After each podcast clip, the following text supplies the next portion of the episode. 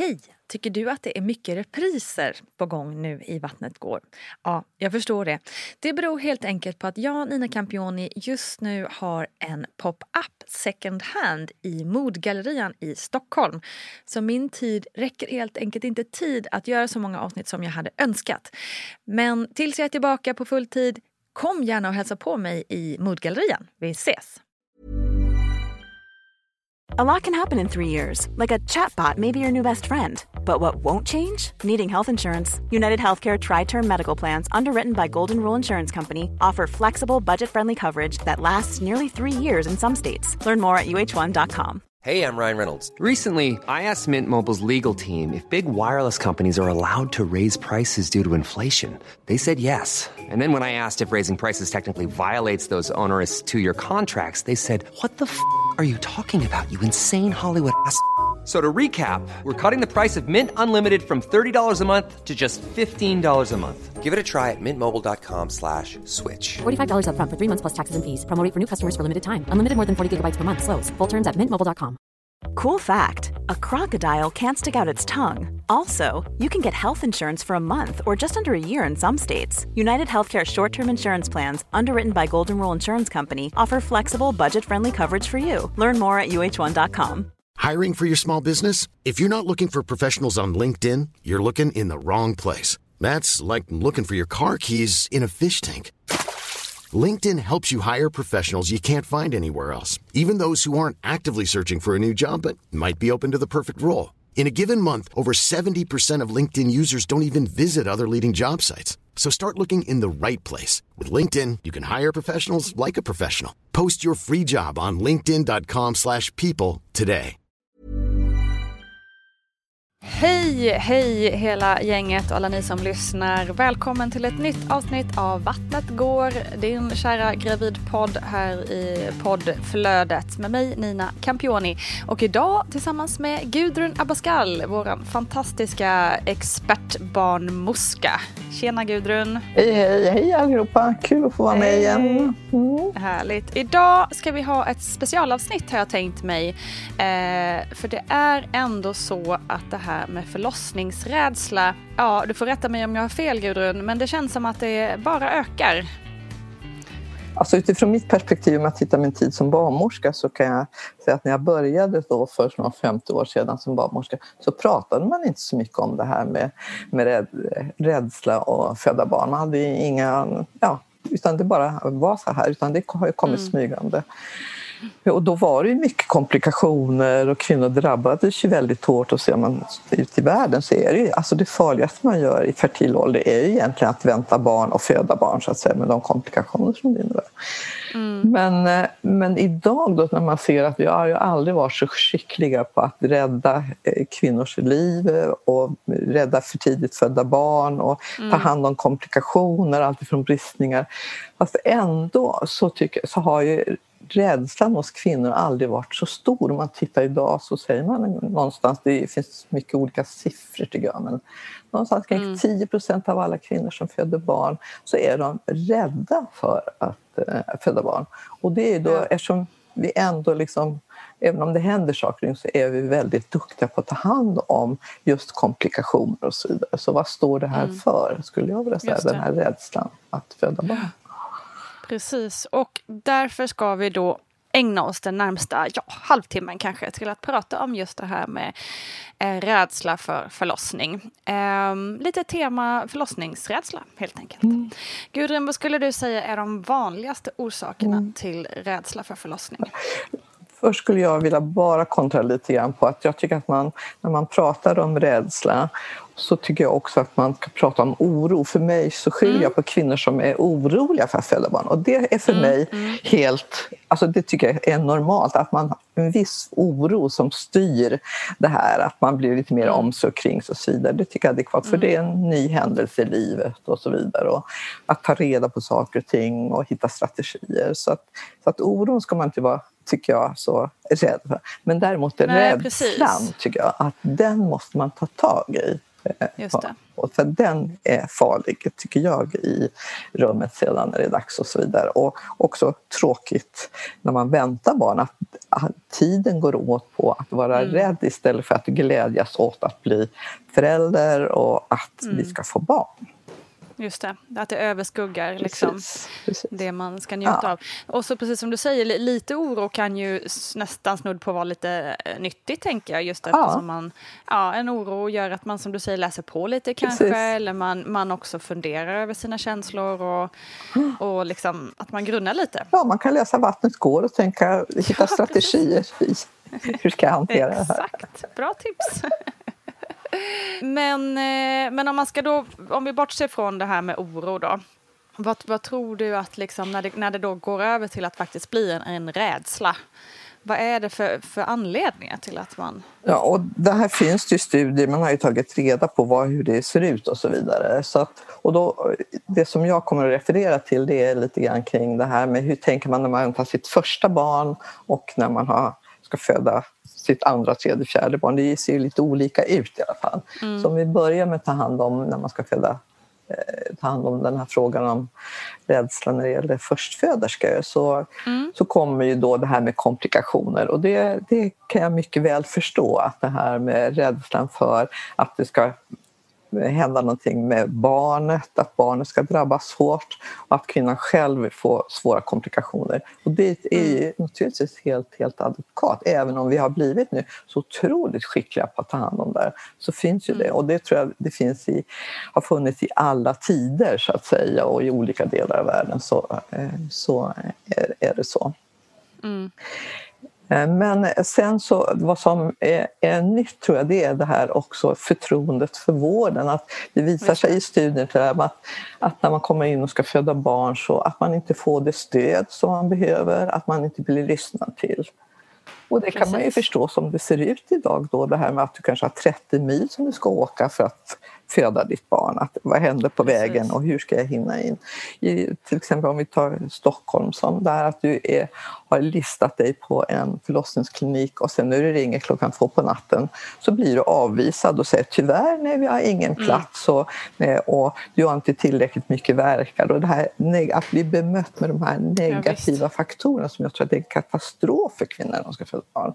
Så jag kan förstå ja. att, att det här är man rädd för. Precis, den kan man ju verkligen relatera till mm. just eftersom det också något, varit någonting som har diskuterats ja. väldigt mycket i media senaste åren också om, om barnmorskor som ja. inte hinner med, som inte hinner vara inne på rummet och så vidare eh, för att de har så mycket, för mycket att göra. Um, så det känns ju eh, inte så konstigt att man känner rädsla. Just den här biten, den var inte jag involverad i under typ före 20-30 år sedan. Utan det här är ju något mm. som är nytt, det här att inte få mm. det här mm. stödet och att inte bli mm. Det kanske fanns då mm. också, men det var ingenting som kvinnor tog upp. Så att utan man kanske fanns med. Men, men det här tycker jag är en katastrof liksom, i det här, att kvinnor ska behöva vara oroliga för sånt. Mm. Och sen också den här rädslan att göra fel, det är också någonting som, som man tänker så här. Att, är det, det är en ny generation kvinnor som föder barn idag som, som ska leva upp till förväntningar ifrån både sig själv och från andra i att inte göra fel. Vad tror du? Mm. Mm. Det, jag, men, jag, jag funderar också på det kring det här med kontrollbehov som mm. också känns som att eh, är mer utökat nu för tiden. Vi har mycket krav på oss också, både utifrån och inifrån. Um, så det, det, ligger nog väldigt mycket i det där med... Då menar du att då tar man med sig det in i, in i rummet också då, eller när man ska föda ja, barn? Ja, men eh, precis.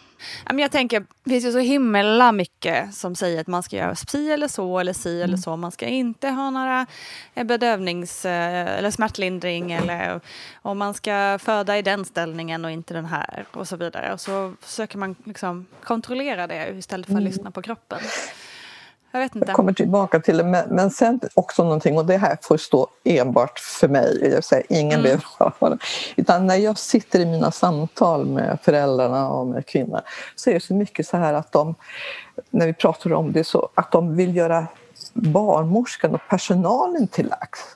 Just det. det här att man inte vågar riktigt vara sig själv utan man försöker läsa av vad tycker barnmorskan, tycker barnmorskan nu att jag eh, mm. inte klarar av det här riktigt bra och så vidare. Och man tycker synd om, om, om barnmorskan. För, tänk om de inte har fått lunch och de har inte hunnit med mm. och de har så himla mycket. Man tar ansvar för det också. Ta ansvar för det och det kan göra mig upprörd faktiskt. Så jag, mm. jag, det är väldigt gulligt. Mm. Men, men alltså man har, ska man föda barn så måste man liksom lämna den biten och bara utgå från sig själv och vad är mina behov? Att få vara den jag är, att våga säga det här. Det här behöver jag, det här vill jag utan att tänka på vad personalen har för, mm. för problem. så att säga. Mm. Absolut, det. det tycker jag. Mm. Och just det här att man ska vara lite duktig, det här med smärtlindring som du var inne mm. lite grann på. Mm. Så att, jaha, när ska jag, ska jag vänta mig och så ska, ska jag ta en ryggbedövning eller inte och så vidare. Strunt i det, våga liksom lita på att det du känner och så vågar du tala om så här känns det för mig, nu behöver jag den här hjälpen utan att mm. lägga några, några värderingar i det. Så. Så. Jo men precis, det känns väl lite som att vi har kommit ifrån vår intuition kanske lite ja. ibland. Mm. Att man, eh, man glömmer bort den och så tar man bara in allt annat i rummet och alla, alla tyckanden och som mm. du säger, hur mår barnmorskan? Ja. Eh, ja, allt, allt liksom, istället för att stänga, stänga av och tänka inåt. Och just det som du var inne på också, det här med att tappa motivationen och tappa kontrollen. Att det här plötsligt, mm. nu ska jag föda barn, man är jätteglad så helt plötsligt så bara, nej jag orkar inte ens tänka tanken liksom, på att jag ska föda mm. barn utan jag hamnar i ett annat land så att säga, där, inte, mm. där, där smärtan tar upp det hela eller med känslan av att inte bli sedd och så. Och sen mm. att inte ha kontroll.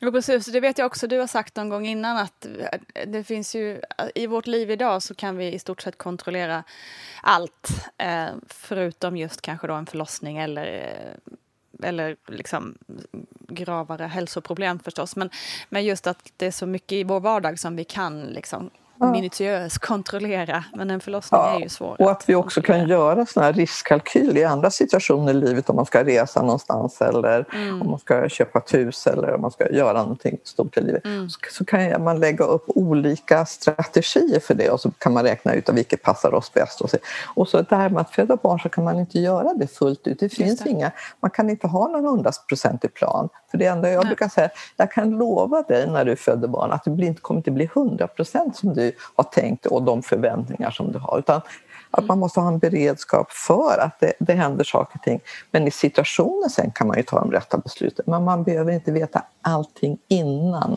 Nej. Och fundera mer över, över det liksom i det här. Vad gör att jag känner mig trygg? Att, att livet är oförutsägbart när man ska mm. föda barn. Och så våga vara trygg att det löser sig när jag kommer dit.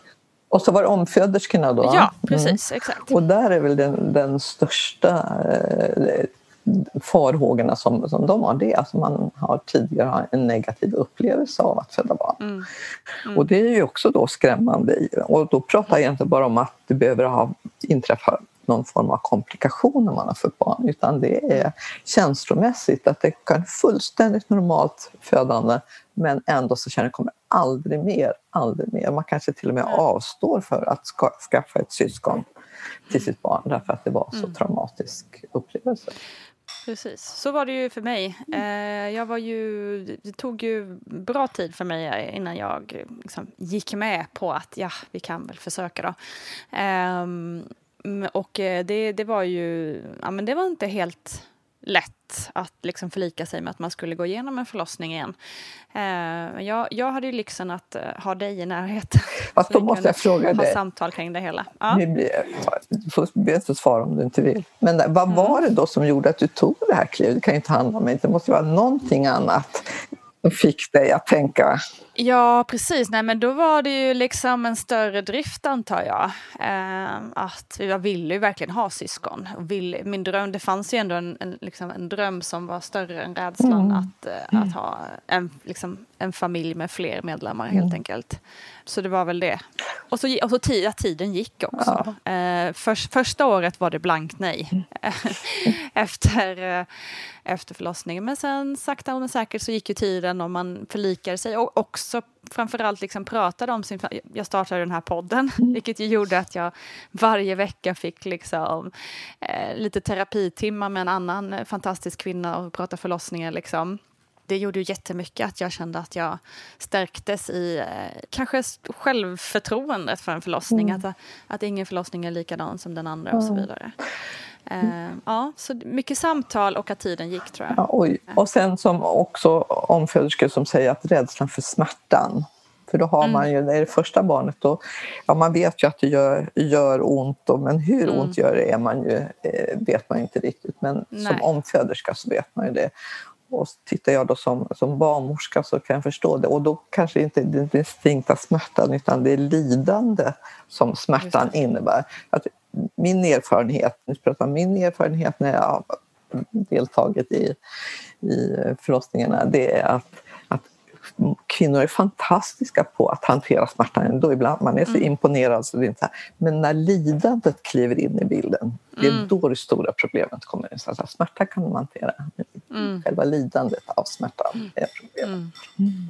Bra förklarat. Så det, det, är väl det som, då, som man har som man har tagit upp i de studier som, eh, som finns. Och sen, sen finns det ju också kvinnor till exempel som har det här med att ha tidigare sjukhusupplevelse, kanske varit inne för någon operation eller som barn blivit utsatt för, för sjukvården som har varit väldigt traumatiskt. Det kan ju i mm, sin tur också leda till, till hur ska jag kunna lita på dem när det var på det viset som man blev omhändertagen sist när man satt på akuten mm. eller någonting sånt där. Så, att, så att det får man väl också räkna med att det, mm. Så är det. Så att, sen finns det mycket annat och något mer stort så är det vad man har kommit fram till. Det finns många anledningar ja, i andra precis. ord.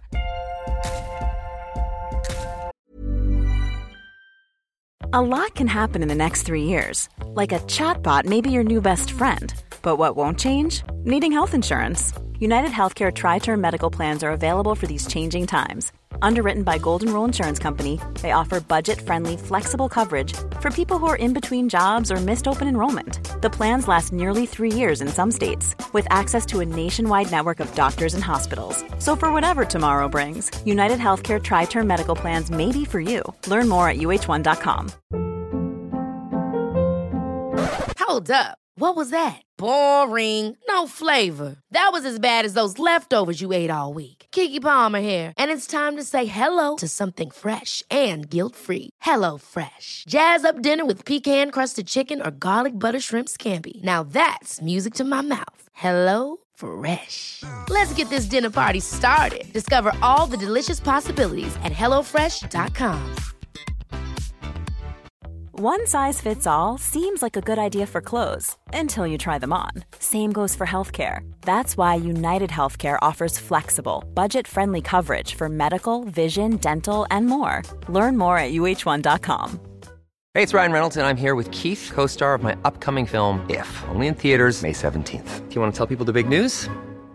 All right, I'll do it. Sign up now and you'll get unlimited for $15 a month in six months of Paramount Plus Essential Plan on us. Mintmobile.com slash switch. Upfront payment of $45 equivalent to $15 per month. Unlimited over 40 gigabytes per month. Face lower speeds. Videos at 480p. Active Mint customers by 531.24 get six months of Paramount Plus Essential Plan. Auto renews after six months. Offer ends May 31st, 2024. Separate Paramount Plus registration required. Terms and conditions apply if rated PG. Quality sleep is essential. That's why the Sleep Number Smart Bed is designed for your ever-evolving sleep needs. Need a bed that's firmer or softer on either side? Helps you sleep at a comfortable temperature? Sleep Number Smart Beds let you individualize your comfort so you sleep better together. JD Power ranks Sleep Number number 1 in customer satisfaction with mattresses purchased in-store. And now, save 50% on the Sleep Number limited edition Smart Bed for a limited time. For JD Power 2023 award information, visit jdpower.com/awards. Only at a Sleep Number store or sleepnumber.com.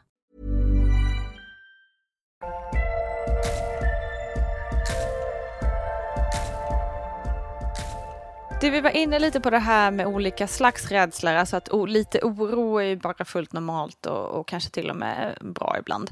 Och sen liksom till ren fobi så att mm. säga. Hur vet man att det är, du var ju också inne på det lite, men det här med att veta om det är mer än, än liksom en släng av lite rädsla ja. eller om man verkligen behöver hjälp. Då, liksom. då har jag fått lära mig att dela upp det i de förlossningsrädsla olika grader så att säga. Och då börjar mm. man med förlossningsfobin, alltså den här extrema rädslan. Mm. Så att man till och med undviker kanske att jag vill gärna barn men jag vågar inte för att jag, det går inte. Jag kan inte tänka Nej. mig att, att föda barn. Så att säga. Och sen kommer vi till svår förlossningsrädsla så säger man då att den, när man då så stör det kvinnans vardag på något sätt. Och det här med att under hela tiden som under graviditeten så är det det som jag tänker hela tiden på. Mm. För att det stör vardagen så att säga och, ja, och kan också bli så att det stör anknytningen till barnet och alltihopa det här. Så att svår mm. förlossningsrädsla det är jättetufft och så tråkigt att det är det som ska vara eh, det, det, som styr så att säga och inte, mm. inte glädjen. Så. Exakt. Och så har man nästa, nästa då så pratar vi om måttlig förlossningsrädsla, oro. Mm. Och då är det svårt att hantera rädslan utan att jag får stöd. Så att, säga. att jag måste ha mm. stöd från min partner eller från min barnmorska och så vidare. Men, men med det kan jag eh, hantera det hela. Mm. Sen pratar man om lätt förlossningsrädsla och oro. Då kvinnan kan själv hantera och förbereda sig. Mm. Så. Och sen kan man ju också, tycker jag, i samtalet be kvinnan gradera själv då, liksom säga hur ser du på din förlossningsrädsla från skala från 1 till 10? Där 1 är att man inte är speciellt rädd utan kanske mer orolig och 10 är förlossningsfobin och så får man lägga sig Just det. På, på de olika. Så det är så som jag tror att de flesta av oss tänker. Ja. När skulle du rekommendera, om du pratar med någon kvinna, är, liksom, finns det några varningstecken eller så flaggor som du skulle göra att du skulle säga typ, men jag tycker att du ska... Ja, nej men alltså det är, är det här att det här stör ens min vardag. Ja. Att det här, ja. att när jag själv så, så fort liksom, på nätterna att jag vaknar av det, att mm. mycket av min tid går åt det här så att säga. Och att, att jag känner att jag är rädd, det här det stör, alltså det stör mig så mycket. Och sen är det upp till, det måste ju varje kvinna själv avgöra, men jag tycker att det är bättre att ta tag i det på ett tidigt stadium än vänta för länge. Mm. Det är den för många väntar för länge och går för länge med den. Så att säga. Mm. det här tycker jag att man ska ta tidigt och man vet när man eh, vet när jag har fått reda på att, att nu ska jag bli mamma och, eh, under graviditeten. Börja tidigt och prata om det här. Ta upp det på, med barnmorskan på barnmorskemottagningen och vänta inte tills man står och fejsar Ja, Många kvinnor kan ju berätta för mig så här, men, ja, men jag är i, i, i, tredje månaden, nej men det är så lång tid kvar och så skjuter man, har man strategin att man mm, lägger mm. åt sidan hela tiden. Och så helt mm. plötsligt, man har kanske i åttonde månaden, då måste man fejsa mig shit, liksom, nu måste jag in. Ja, precis. Då blir det lite stressat. Att, och att prata om sin oro, prata upp det överhuvudtaget. Liksom. Även om man inte mm. kanske är jätterädd så kan man prata om det ändå så att man lyfter mm. frågan, tycker jag. Mm. Och eh, precis, nästa, min nästa fråga skulle ju vara då vad, vad ska man göra helt enkelt? Och då, främst, liksom, främst kanske prata med om, om, man har en partner och vänner och mamma eller vem det nu kan vara. Och så sin barnmorska då helt enkelt. Men du, då blir jag så här, ja. hur många ska man prata med? Och vilka? Ska jag prata med alla mina vänner och jag ska prata med mamma, Facebook och, farfar, och Instagram. Och då känner jag så här, för det kan jag tycka när jag sitter i de här samtalen att Mm. Det är ett av mina problem i, i samtalen, att kvinnor har pratat med och lyssnat på alla andras berättelser. Och, mm. och där tror jag att man måste in och selektera om mm. jag skulle få mig att bestämma. Och vilka ska jag lyssna på? Att verkligen leta mm. reda på, på kvinnor eller ställen där jag känner att här får jag liksom att jag får förtroendet att, att det här. För många berättar ju sina historier inte för att hjälpa till kanske alltid utan mer för det finns andra syften med för jag drar min förlossningsberättelse och så. Och att kanske välja ut några och sen att alltid när man är ute efter den här, och hitta den här kunskapen. Att man också när man läser om både googlar och pratar, att man reflekterar. Vad betyder det här för mig? Mm. Så att man alltid knyter an och reflekterar utifrån från, vad betyder det här för mig? Vad skulle det här innebära för mig? Och så vidare. Och inte bara ta in det hela tiden och inte reflektera över det som sägs, tycker jag. Det, det kan jag sakna. Ja, men det är nog väldigt bra poäng. För det är ju lätt att, och, som lite som vi var inne på det här innan med att, eh, att man lyssnar på så himla mycket olika röster hela tiden. Eh, och att man tappar bort sin inre intuition. Ja. Och verkligen hitta de här, där, att man måste bygga upp det här med en förtroendefull relation när man går in i de här samtalen Mm. tycker jag. Och inte bara köpa vad som helst. Så. Just det. Men i nästa steg så kan man ju också då, eller hur, begära att få någon eh, så kallade Aurora-samtal. Ja, alltså det första då som vi Mm. redan har sagt och, och det är ju det här att, att man tar upp det här med sin barnmorska på barnmorskemottagningen. Så, Mm. så är det, då är det de, tycker jag. Som. Och som sen då i, vidare då så ibland finns det vissa som har kuratorskontakt och kan etablera det och så vidare. Men det vanligaste är nog idag att man har man en kvinna som är förlossningsrädd att man då remitterar henne till en förlossningsklinik som där kvinnan ska föda. Och där finns det då alltifrån förlossningsläkare, barnmorskor, kuratorer och också psykologer som kan hjälpa till med det här. Mm. Så kallade Aurora-samtal heter det nu inför eh, många.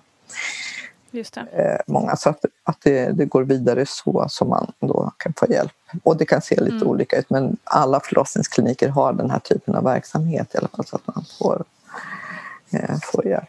Och Yes. där skulle jag väl också i de här samtalen då, när man går på samtal både hos sin barnmorska på barnmorskemottagningen men också på Aurora mottagningen med, med förlossningsläkaren och barnmorskan eller psykologen att man också där involverar partnern. Kanske partnern inte behöver vara med på alla samtal men kanske ändå eh, ha, ha parten med sig någonstans, tycker jag. Så att jag för- brukar alltid att man har något samtal och man är involverad där man sitter alla tre liksom och pratar om eftersom parten kommer ju att vara med så att säga, i det hela och också visa så att partnern också får en stor förståelse för hur kvinnan känner och att hon också vågar säga alla de här sakerna.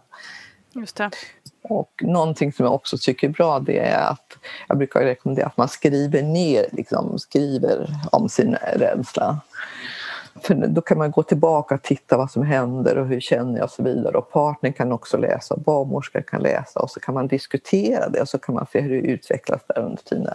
Så för mig har skrivandet en stor funktion liksom, i det här. Brukar jag, för de som är intresserade. Det är inte alla som är det. Men, Bra men, tips. men de, många tycker att man har blivit hjälpt av att sätta Ja. det på pränt. Så att säga. Precis. Ja, och du, du, som du har nämnt här, du arbetar ju verkligen med just det här med din egen mottagning. Eh, och, och nu sa du också det här med att be dem skriva ner sina tankar och sådär. Men finns det något annat du kan berätta kring hur du jobbar med de här frågorna med dina egna eh, klienter eller patienter? Ja. Eller vad ska kalla det. Lite grann vad som oftast som vi brukar ta upp under samtal. Först och främst är min, min viktigaste funktion är ju egentligen att lyssna på kvinnan.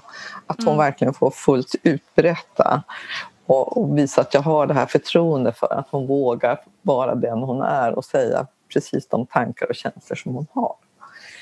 Men annars så brukar vi prata mycket om det här med, med för kvinnorna att försöka ta reda på vad bottnar den, var kommer den här rädslan ifrån? Är det första barnet, som vi pratade om anledningar där, eller en omföderska som tidigare? Man går in i och fokuserar på den biten, att man får prata igenom alltihopa. Så. Och sen då att försöka hitta strategier då för, för att när det är dags att föda, vilka, ja, hur ska man, vad, vad ska man ha för strategier till exempel? Och där Frågan är vilka, vilken eller vilka personer som hon känner sig trygg med. Och vilka som vill hon ska vara närvarande. Är det partnern, barnmorskan, vill man ha en doula eller vill man ha någon annan person som kan stötta en i att att känna att hålla rädslan utanför rummet brukar jag säga. Det, här. För det är ju det som är grejen, att rädslan ska aldrig få komma in i rummet föder. Och vilka Nej, personer kan hjälpa henne där.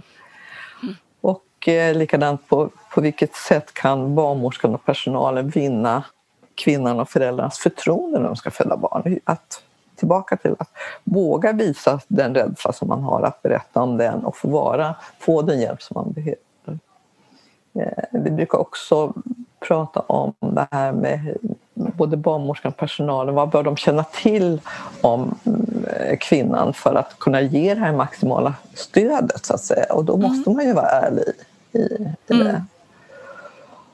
Och eh, vi brukar också prata om hur mycket vill hon vara med och bestämma, till exempel om medicinska beslut och det här med information och så vidare. En del vill ju veta allting och det här med informerade val och allting och andra vill, nej men jag vill inte veta, jag gör bara det som behövs. Så, så att, I alla fall prata runt om det. Sen så kanske man Mm. hinner ändra sig när det är dags sedan. Så. Ja, det får vi väl påminna Ja, alla om att precis. man alltid får göra. Att ingenting är skrivet i sten. Sedan så, så brukar vi prata om det här med smärta. Vad, brukar det, vad väcker det för reaktioner och känslor?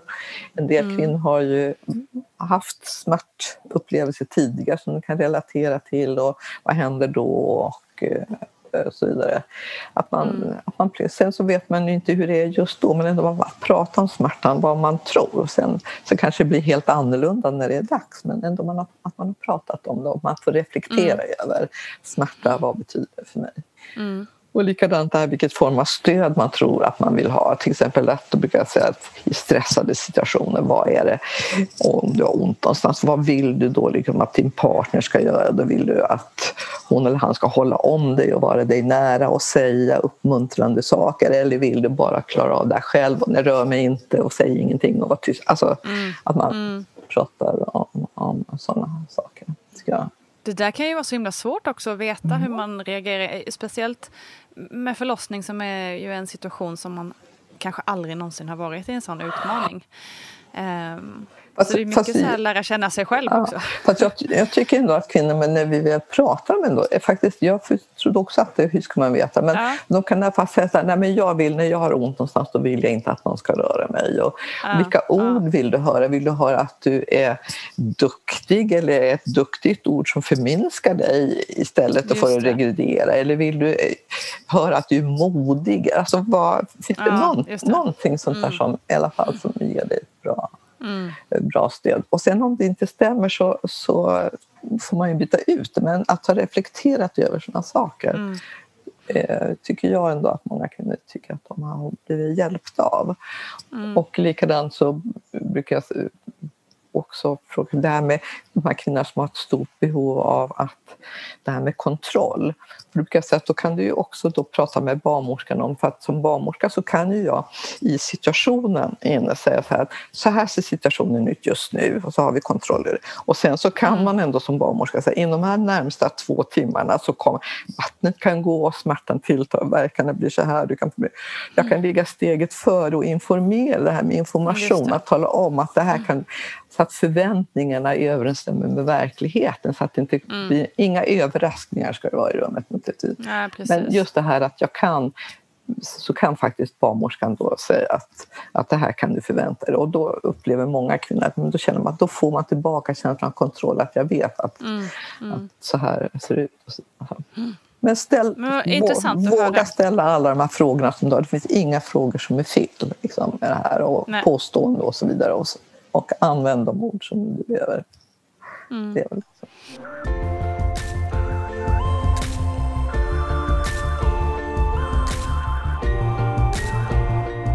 Om vi ska gå in lite på det här som vi också eh, hade som en av orsakerna till rädsla för förlossningen, nämligen eh, situationen för barnmorskorna idag och, liksom, och nedläggningen av olika kliniker och så vidare. Vad kan, ja snarare kanske politikerna, men också naturligtvis vården göra för att minska på de här problemen? Ja, alltså det gör, för mig så handlar det om väldigt mycket om en, det är en organisationsfråga också om, och om resurser det här. Att det måste, att man måste ha resurser så att kvinnor ska inte behöva bli avvisade när de ska föda barn. Man, man ska se till att det finns det här med kontinuerligt stöd så att kvinnor får ha sin barnmorska inne på rummet hela tiden så att man inte behöver springa ut och ska ha flera andra kvinnor som man ska ta hand om, om samtidigt. Det tycker jag väl är väl det som var politikerna då kan Och att man följer patientlagen tycker jag.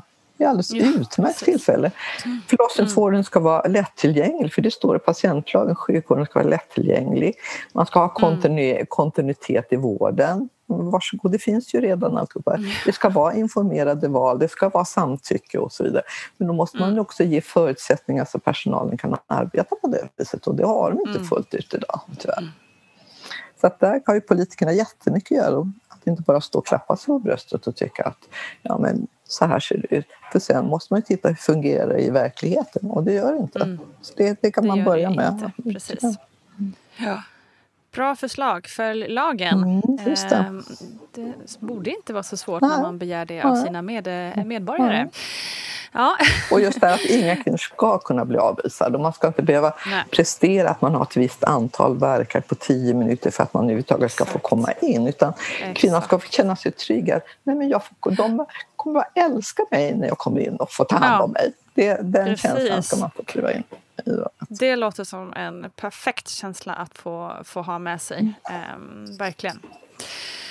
Upp till kamp för det, politikerna. Mm. Du har ju gått igenom jättemycket tips och förslag på hur man kan eh, jobba med de här eh, tankarna. Eh, men har du några fler tips som, innan vi, vi avslutar det här snacket? För hur man kanske kan lugna sig? Jag tänker på kanske de här snarare innan man när man är liksom på gränsen mellan oro och att ja. utveckla en rädsla? Jag tycker man ska ta reda på hard facts. Liksom så här, hur går en mm. förlossning Och kanske inte behöver ha så himla mycket bilder och titta på videos utan att man läser till hur, eh, hur själva förlossningsförloppet ser ut, vilka smärtlindringsmetoder som finns. Och mm. man, om, jag tycker att det kan vara bra att veta att hur en sugklocka går till och så vidare. Rent mm. hard mm. facts. Och sen nej, de här kunskaperna som jag då läser mig till relatera till min egen situation. Hur, hur, hur, skulle det här bli för mig om jag hamnade i den här situationen? Och så mm. funderar jag över ja, vilka, hur, vilken hjälp kan jag få och vad, mm. vad behöver jag ha av omgivningen? Och tänka så här att alltså, alla som är i rummet, barnmorskan, undersköterskan, min partner, alla är till för mig. Just det. Att de mm. finns bara där för att hjälpa mig. Att barnmorskor, det, det är vad som är vårt jobb. Att egentligen så behöver man faktiskt egentligen kanske inte så mycket som möjligt. För jag är ju barnmorska och det är jag som ska guida kvinnan i olika mm. situationer och ge henne ja, liksom olika val i så här kan man lösa det här. Alltifrån förlossningsställningar, hur ofta man ska kissa, det med dusch och bad och alltihopa mm. det här och mm. mat och alltihopa. Så man ska också faktiskt egentligen kunna komma in. Men det kan vara mm. bra eftersom vill man ha kontroll då är ju fakta bra. Liksom, i alla fall. Absolut. Mm. Absolut.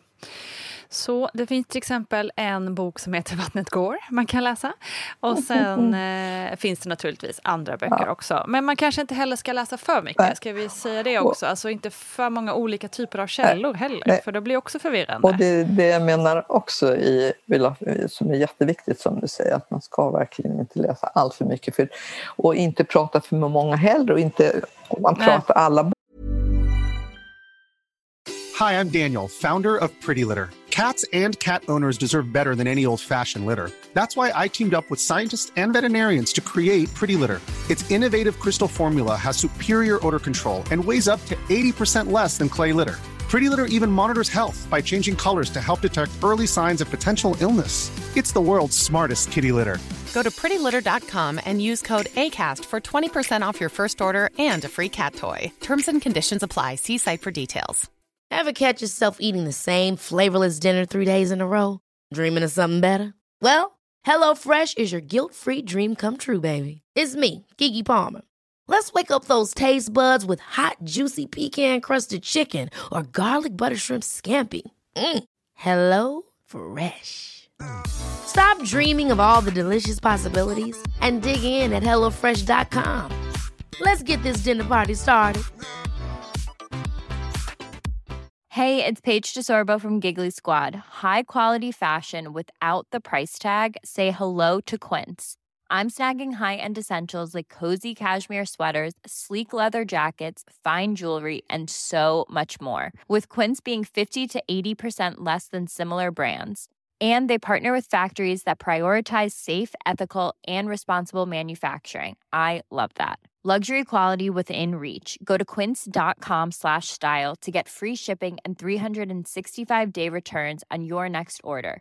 Quince.com slash style. Hi, I'm Daniel, founder of Pretty Litter. Did you know cats tend to hide symptoms of sickness and pain? I learned this the hard way after losing my cat, Gingy. So I created Pretty Litter, a health monitoring litter that helps detect early signs of illness by changing colors, saving you money and potentially your cat's life. Pretty Litter is veterinarian developed, and it's the easiest way to keep tabs on your fur baby's health right at home. Go to prettylitter.com and use code ACAST for 20% off your first order and a free cat toy. Terms and conditions apply. See site for details. Barnmorskor har sin syn på det hela. Och till slut så kan det ju bara bli förvirrande. Jag har hört så många olika varianter av det hela. Utan hitta, hitta min nisch i det och så följer man det istället och fokusera på vad, som vi började med. Vad, vad betyder det här för mig och vad vill jag? Och hur ska jag kunna använda det här på ett bra sätt? Ja, lyssna inåt. Vad bra, härligt. Gudrun Abascal, ladies and gentlemen. Eh, alltid lika briljant i dina svar och i din kunskap naturligtvis. Och vill man, ska vi säga det också, det får ju du bestämma Gudrun, men känner man själv att man behöver Gudruns hjälp så finns ju du eh, att kan man hitta dig på Google eller? Ja, kan man göra. Och sen om man bor i Stockholm så kan man också hitta mig på, på Östermalms sjukvårdsförening där jag har samtal som man kan vända sig till om man vill. Perfekt. Jättebra ju. Tack så hemskt mycket Gudrun Abascal. Vi hörs snart igen. Och tack snälla du som har lyssnat till det här, ja, i alla fall enligt min egen mening, viktiga programmet, viktiga avsnittet om just förlossningsrädsla. Tack för idag hörni. Vi hörs snart igen. Tack Gudrun. Mm, tack.